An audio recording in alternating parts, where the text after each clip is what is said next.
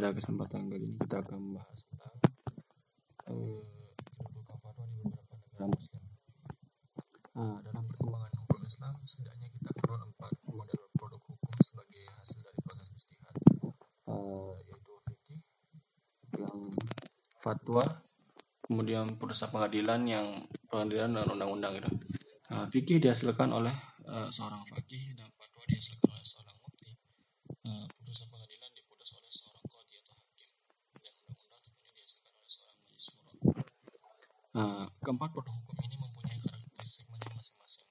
Namun uh, satu titik persamaan dari keempat produk hukum ini terletak apa semuanya merupakan aturan-aturan yang bersumber dari wahyu gitu. Uh, Berdasarkan keempat produk ini kita ketahui bahwa fatwa merupakan produk hukum yang memiliki apa namanya karakteristik yang relatif lebih dinamis gitu. Karena fatwa biasanya merupakan apa namanya hasil dari merespon suatu pertanyaan dalam bidang, bidang hukum tertentu gitu.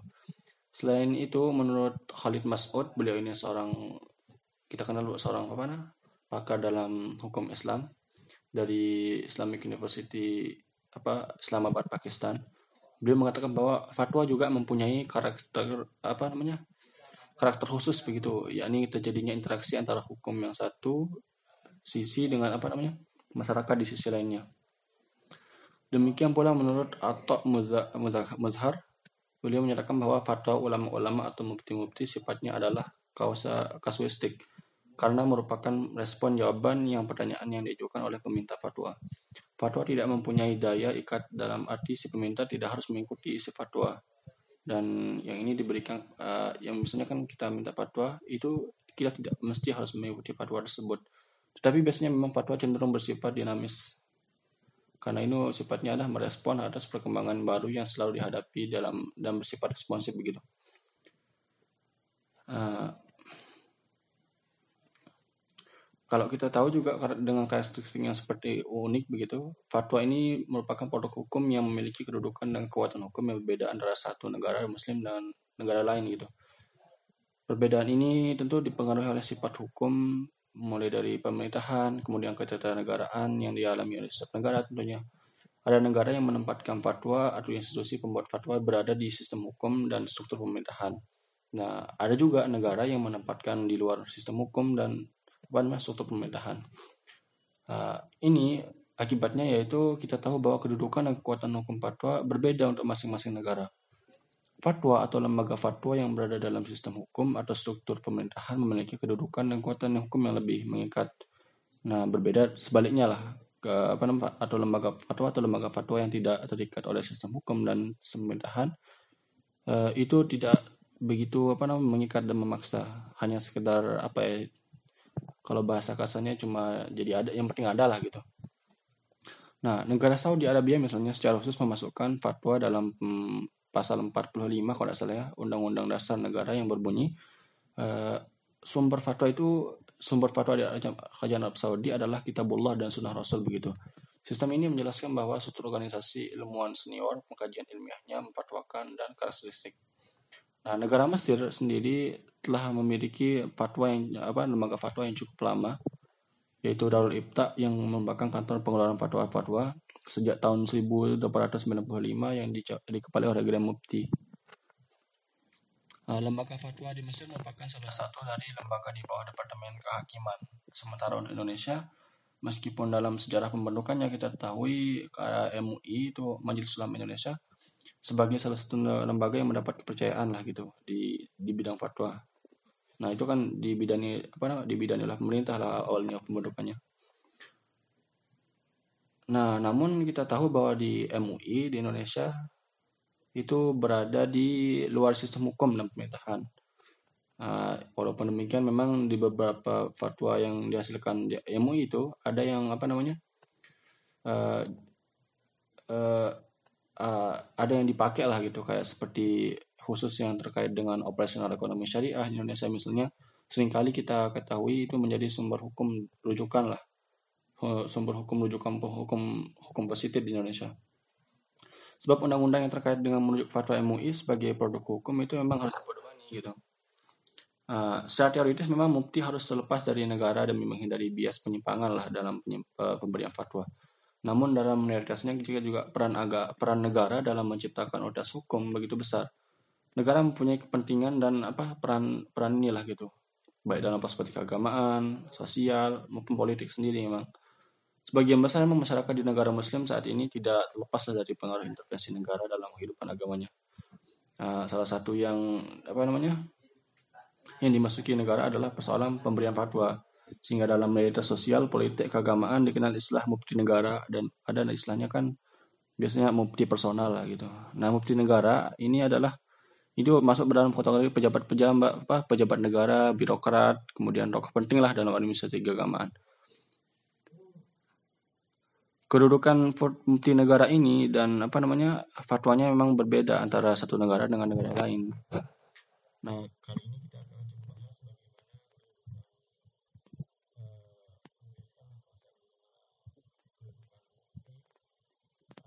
kita di beberapa negara muslim ini kita ambil apa namanya sampel dari tiga negara kayak seperti di Malaysia kemudian Brunei Darussalam dan Mesir gitu. Ya, jadi perbandingan untuk kita yang di Indonesia. Nah kalau kita lihat pelajari juga nanti kalau agak mirip-mirip konsep apa namanya kedudukan fatwa dan lembaga fatwa di Indonesia dan di Mesir. Nah, kita mulai dari Malaysia. Malaysia kita tahu bahwa apa namanya bentuknya negaranya kan negara federasi dan itu berlandaskan agama Islam. Namun tetap memberi peluang bagi agama lain lah untuk mau dipraktikkan secara aman damai di sana. Yang di Pertuan Agung mengambil agama Islam di wilayah negara federasi Kuala Lumpur, Labuan dan Putrajaya dan untuk tujuan ini parlemen diizinkan oleh hukum untuk membuat ketentuan dalam rangka mengatur urusan agama Islam.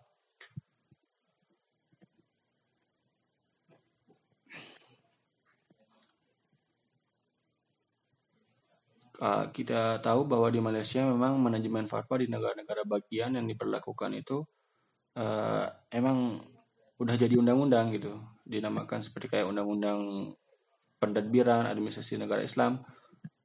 Ini diberlakukannya uh, ketentuan undang-undang ini kerajaan negara bagian mendirikan kayak departemen mufti gitu. Uh, departemen ini dipisahkan dari main apa istilahnya itu?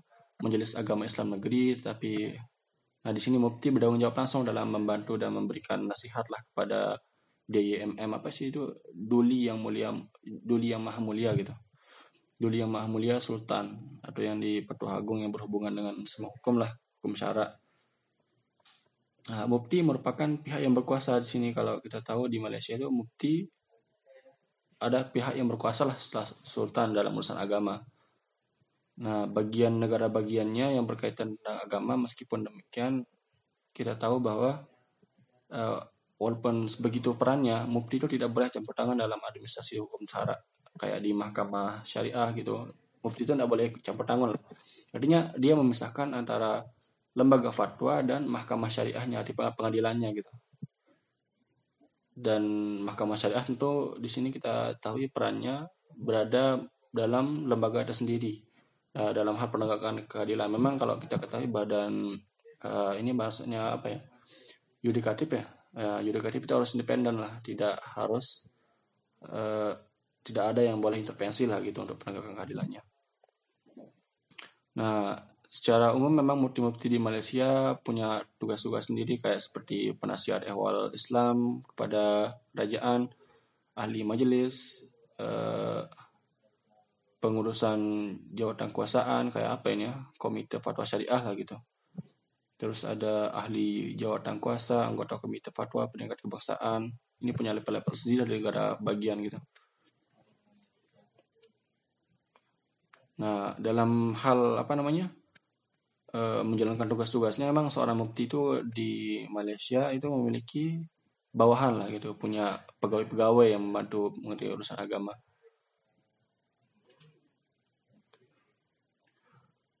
kita tahu juga dalam di Malaysia uh, tidak semestinya mufti itu semena-mena lah gitu ketika membuat ada prosedurnya kemudian tidak boleh bertindak proaktif berdasarkan permintaan pihak mana pun gitu. Intinya Malaysia berusaha menciptakan mufti itu sebagai lembaga independen lah yang tidak bisa diintervensi negara gitu. Nah, dan uniknya kalau di Malaysia itu kalau satu fatwa itu tidak bisa dinyatakan apa dianggap sebagai fatwa kecuali dia memang sudah diwartakan, sudah diberitakan lah gitu. Mufti di sini memang diberi wewenang untuk mengubah atau membatalkan fatwa yang lebih dahulu dikeluarkan misalnya kan kayak uh, ada mufti dahulu yang mengeluarkan fatwa. Nah, si mufti baru ini bisa membatalkan fatwa yang terdahulu.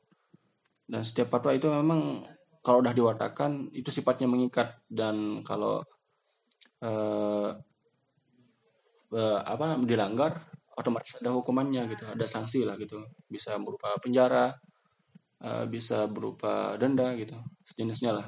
Udah kayak anu lah gitu kayak seperti keputusan perundang-undangan kalau di Indonesia.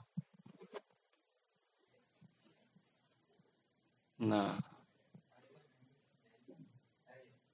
kita lanjut ke Brunei Darussalam. Kalau di Brunei kita tahu merupakan salah satu negara Melayu yang sejak dulu dipimpin oleh raja-raja Islam lah di awal-awalnya kan seperti Sultan Brunei pertama si apa sih namanya Sultan Brunei pertama itu namanya Awang Alak Betatar kalau salah namanya itu dikenal sebagai sebutan setelah Islamnya itu sebutannya Sultan Muhammad Shah. Nah, saat ini dijabat oleh Sultan Haji Hasan menurut saya. Uh, pemerintahan tradisi kesultanan Melayu di Brunei ini memang didasarkan pada empat unsur yaitu kaum komun, syara, adat istiadat dan arsam merujuk kepada hukum kanon Brunei lah, undang-undang Brunei. Nah, kalau syara ini merujuk kepada ajaran-ajaran Islam, adat istiadat merujuk kepada adat istiadat Brunei dan sedangkan resam ini merujuk kepada hal-hal yang di luar adat.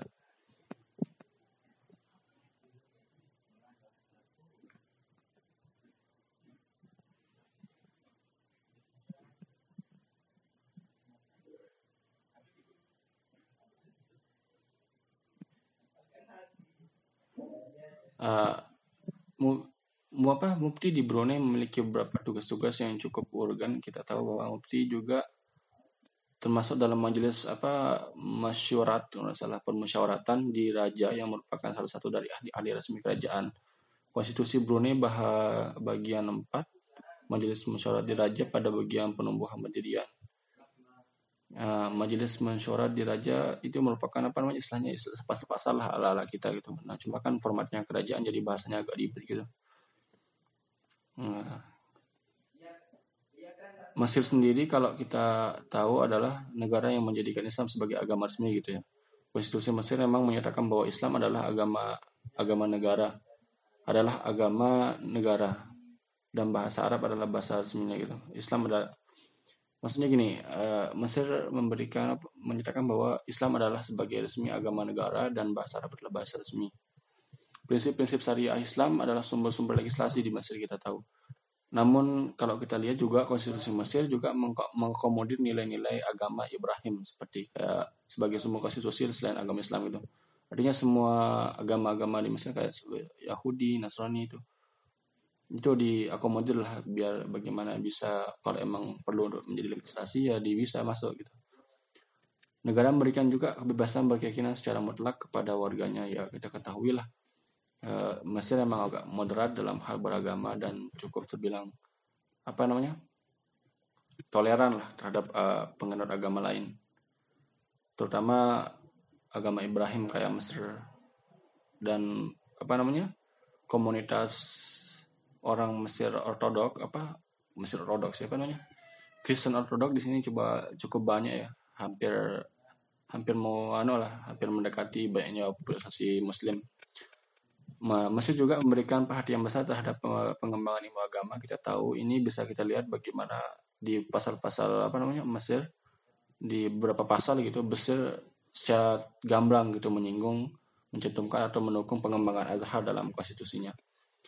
Uh, dalam bidang fatwa misalnya Mesir memiliki lembaga fatwa tertua di dunia. Kita tahu kayak saya sebutkan tadi Darul Ifta itu, Darul Ifta Mesriah itu merupakan uh, lembaga yang tertua lah dalam hal fatwa didirikan pada 1895 berdasarkan surat keputusan Khedive Mesir Abbas Hilmi yang ditujukan kepada Nazirah Haqqaniyah pada saat itu.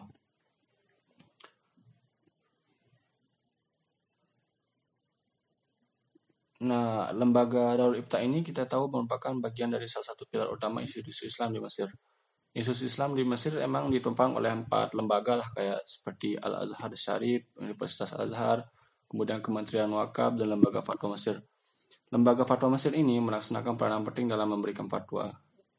Uh, ini lebih mengarah kepada masyarakat umum dan konsultasi kepada lembaga-lembaga peradilan di Mesir. Uh, pada mulanya emang lembaga fatwa Mesir itu salah satu berada di bawah naungan Departemen Kehakiman. Mufti Mesir selalu diminta pendapatnya dalam pelaksanaan keputusan vonis mati dan lainnya. Namun tugas dari peran lembaga fatwa Mesir tidak terbatas pada hal itu saja. Jangkauannya pun tidak terbatas pada wilayah Mesir saja, akan tetapi meluas hingga seluruh dunia.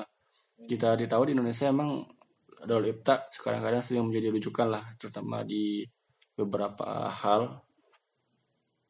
Uh, hingga jadi kita tahu tidak hanya sebatas uh, lah uh, punya mesinnya aja Darul Ifta itu. Artinya Darul Ifta itu punya umat muslim lah gitu dibahasakannya.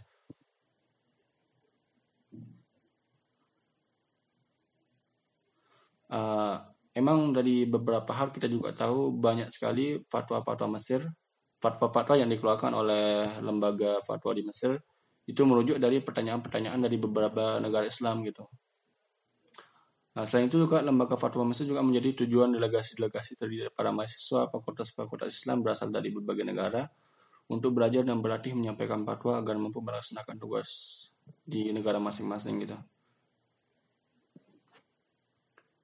Nah, berangkat dari posisinya sebagai referensi hukum atau marja'iyah dalam karena manhaj madrat wasatiyah yang dipilihnya, uh, dalam memahami hukum Islam, apa namanya, ada pandangan syariah yang memandang perlu untuk kebutuhan masyarakat gitu lembaga fatwa Mesir sendiri menempatkan peranan penting yang bermanfaat lah tidak hanya untuk warga Mesir tapi juga untuk masyarakat Muslim gitu. Uh, secara umum kita tahu lembaga fatwa di Mesir memiliki dua tugas pokok. Yang pertama itu tugas keagamaan dan tugas berkaitan dengan pengadilan. Nah, tugas keagamaan lembaga fatwa Mesir ini mencakup menerima pertanyaan dan permohonan fatwa dan menjawabnya dengan berbagai bahasa gitu. Terlepas dari pertanyaan pertanyaannya lah tergantung pertanyaannya. Kemudian menentukan setiap bulan hijriah mengadakan pelatihan fatwa di apa mahasiswa asing mengeluarkan pertanyaan resmi berkenaan dengan masalah keagamaan menyusun riset ilmiah menjawab kesalahan pemahaman terhadap Islam mengadakan sesi belajar jarak jauh. Kurang lebih kayak tugas MUI lah cuma kan uh, karena tujukannya kalau di Mesir itu bukan hanya negara-negara Arab, banyak juga negara-negara luar Arab yang memang uh, butuh lah pada rujukan fatwa di, di apa namanya Ibta gitu. Jadi bahasanya tidak hanya satu, bisa Perancis atau uh, Inggris dan Jepang juga kalau eh, Jepang di sini cukup terkenal ya, cukup dekat lah. Bahkan kita lihat kalau di yang itu di iklan-iklan cukup terkenal bagaimana kedekatan Jepang dan kementerian apa kementerian kedutaan luar apa punya kedutaan eh, Jepang di Mesir gitu. Nah, sedangkan tugas-tugas yang berkaitan dengan peradilan itu diberikan pertimbangan kepada syarat kepada pengadilan-pengadilan dalam keputusan vonis mati. Nah, karena memang kita tahu lah kalau Mesir kan punya sejarah yang panjang soal vonis mati. Hmm, di sini juga banyak apa namanya ilmuwan-ilmuwan yang memang difonis mati kayak seperti Ali Abdul Razik gitu kan Farak Fauda. Itu banyak semua loh ilmuwan-ilmuwan yang di Indonesia nya terkenal dan ternyata di Mesir itu difonis mati gitu. Ya janganlah kita singgung ke hal seperti itu ya karena memang agak berbau politik. Dan kita ketahui kalau di Mesir itu menyinggung hal politik sangat apa namanya bersifat apa istilahnya sangat larang gitu Uh, intinya adalah kita tahu bahwa kedudukan fatwa mufti di beberapa negara Islam uh, memiliki kedudukan yang berbeda lah. Satu negara Islam dengan negara yang lain itu beda-beda. Uh, ini tentu dipengaruhi oleh sistem hukum, sistem pemerintahan, sistem penegaraan yang dianut. Kemudian ada negara yang menempatkan fatwa pada institusi pembuat fatwa berada di dalam sistem hukum dan struktur pemerintahan. Ada juga negara yang menempatkan di luar sistem hukum dan struktur pemerintahan. Nah, ini berakibat pada kedudukan dan kekuatan hukum fatwa berbeda pada masing-masing negara. Fatwa yang lembaga fatwa atau lembaga fatwa yang berada di bawah sistem hukum atau struktur pemerintahan itu tentu memiliki dan kekuatan hukum lebih mengikat ketimbang berada di luar sistem hukum dan pemerintahan. Uh, Mufti di Brunei adalah sistem pemerintahan. Pada awalnya Departemen Fatwa uh, yang ya apa namanya? pada jabatan Ehwal Syariah di bagian Kementerian Ahwal Agama dan Brunei. Namun sejak 7 November 1994 menjadi departemen terpisah di bawah Perdana Menteri dan bertanggung jawab langsung kepada Sultan. Nah, di Malaysia, Mufti adalah pihak yang berkuasa setelah Sultan dalam urusan agama. Dan pengaturannya masuk dalam eh, ranking undang-undang apa rank undang-undang penerbitan agama Islam negeri wilayah-wilayah persekutuan. Uh, ini mengatur tentang apa namanya prosedur pengeluaran fatwa di setiap negara. Nah, sementara di Mesir, Mufti pada awalnya berada dalam sistem pemerintahan di bawah Departemen Kehakiman. Sebelumnya akhirnya sebelum akhirnya menjadi lembaga tersendiri yaitu Darul Ibta, Darul Ibta Mesiriyah. Meski kemudian uh, demikian apa namanya? Itu demikian itu merupakan salah satu dari pilar utama uh, institusi Islam di Mesir yang ditopang oleh empat lembaga keagamaan kayak Al Azhar Syarif, Universitas Azhar, Kementerian Wakaf dan Lembaga Fatwa Mesir. Mufti di Mesir lebih independen dalam memutuskan fatwa karena sebab fatwa-fatwa yang diputuskan secara independen tanpa meminta persetujuan dari presiden lah. Tidak seperti di Brunei dan di Malaysia itu setiap fatwa yang dikeluarkan harus ditandatangani oleh sultan gitu. Nah, kalau di Mesir tidak perlu harus ditandatangani presiden. Begitu resmi lebih independen lah ketika melakukan fatwa. Uh, ya seperti yang kita singgung tadi memang Mufti di Brunei terkesan kurang independen sebab ada campur tangan Sultan dalam mengambil keputusan. Uh, kita tahu bahwa di Brunei ketika mengikuti kaul muktamad dari Imam Syafi'i jika kaul muktamad dari Imam Syafi'i ini tidak dijadikan sumber hukum gitu sumber hukum dalam fatwa uh, dan bertentangan dengan kepentingan umum dan tidak ditentang sultan barulah uh, si mufti ini dapat mengikuti apa namanya dhaif atau mazhab uh, dari mazhab Syafi'i.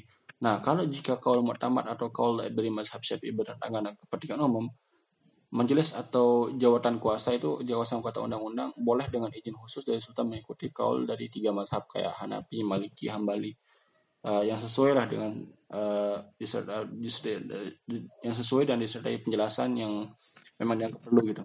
Nah, sementara mufti di Malaysia itu memiliki pendapat yang lebih independen ndak ndak seperti Brunei lah anunya. Apa namanya? Uh, perannya gitu. Kalau di Brunei kan agak bisa dimonopoli gitu kesannya pada ini kemungkinannya bisa dimonopoli gitu. Nah sementara kalau di Malaysia itu memiliki pendapat yang lebih independen meski kita meski hasil keputusannya emang dianggap sah ya, jika telah mendapatkan persetujuan JM apa namanya? Sultan atau lembaga pewartaan apa? Pewartaan fatwa Uh, karena memang di Malaysia fatwa baru dianggap sah bila telah diwatakan yang kita tahu. Ini tuh terkait dengan adanya sanksi jika fatwa dilanggar. Uh, terkait dengan fatwa sebagai produk dari mufti, kedudukan fatwa di negara Malaysia dan Brunei lebih menyikat. Nah, di Malaysia setiap pelanggar fatwa dikenai hukuman baik berupa denda atau kurungan. Nah, sementara di Mesir sama dengan kondisi Indonesia fatwa tidak diterapkan menjadi hukum positif apa namanya? Ya, bahwa fatwa tidak diterapkan sebagai hukum positif Eh, dan tidak ada hukuman lah bagi siapa yang tidak mentaati fatwa dan telah diputuskan oleh. Nah, namun demikian kalau kita tahu bahwa hakim di Mesir tidak dapat menghukum mati seorang sebelum dikabulkan permintaan permintaan fatwa hukum mati kepada mufti. Uh, lebih anu ya, kalau di Mesir kalau ada hukum mati dari pengadilan itu harus seizin mufti. Nah, kalau di Indonesia tidak perlu kan? Kalau memang udah keputusan pengadilan uh, ada apa? Keputusan pengadilan udah bilang hukum mati ya hukum mati tanpa harus perlu minta izin dari MUI karena memang biasanya di pengadilan sudah dihadirkan lah ahli-ahli agama kalau emang itu berkaitan. Uh, mungkin ini saja yang kita bahas dalam podcast kali ini. Uh, see you next time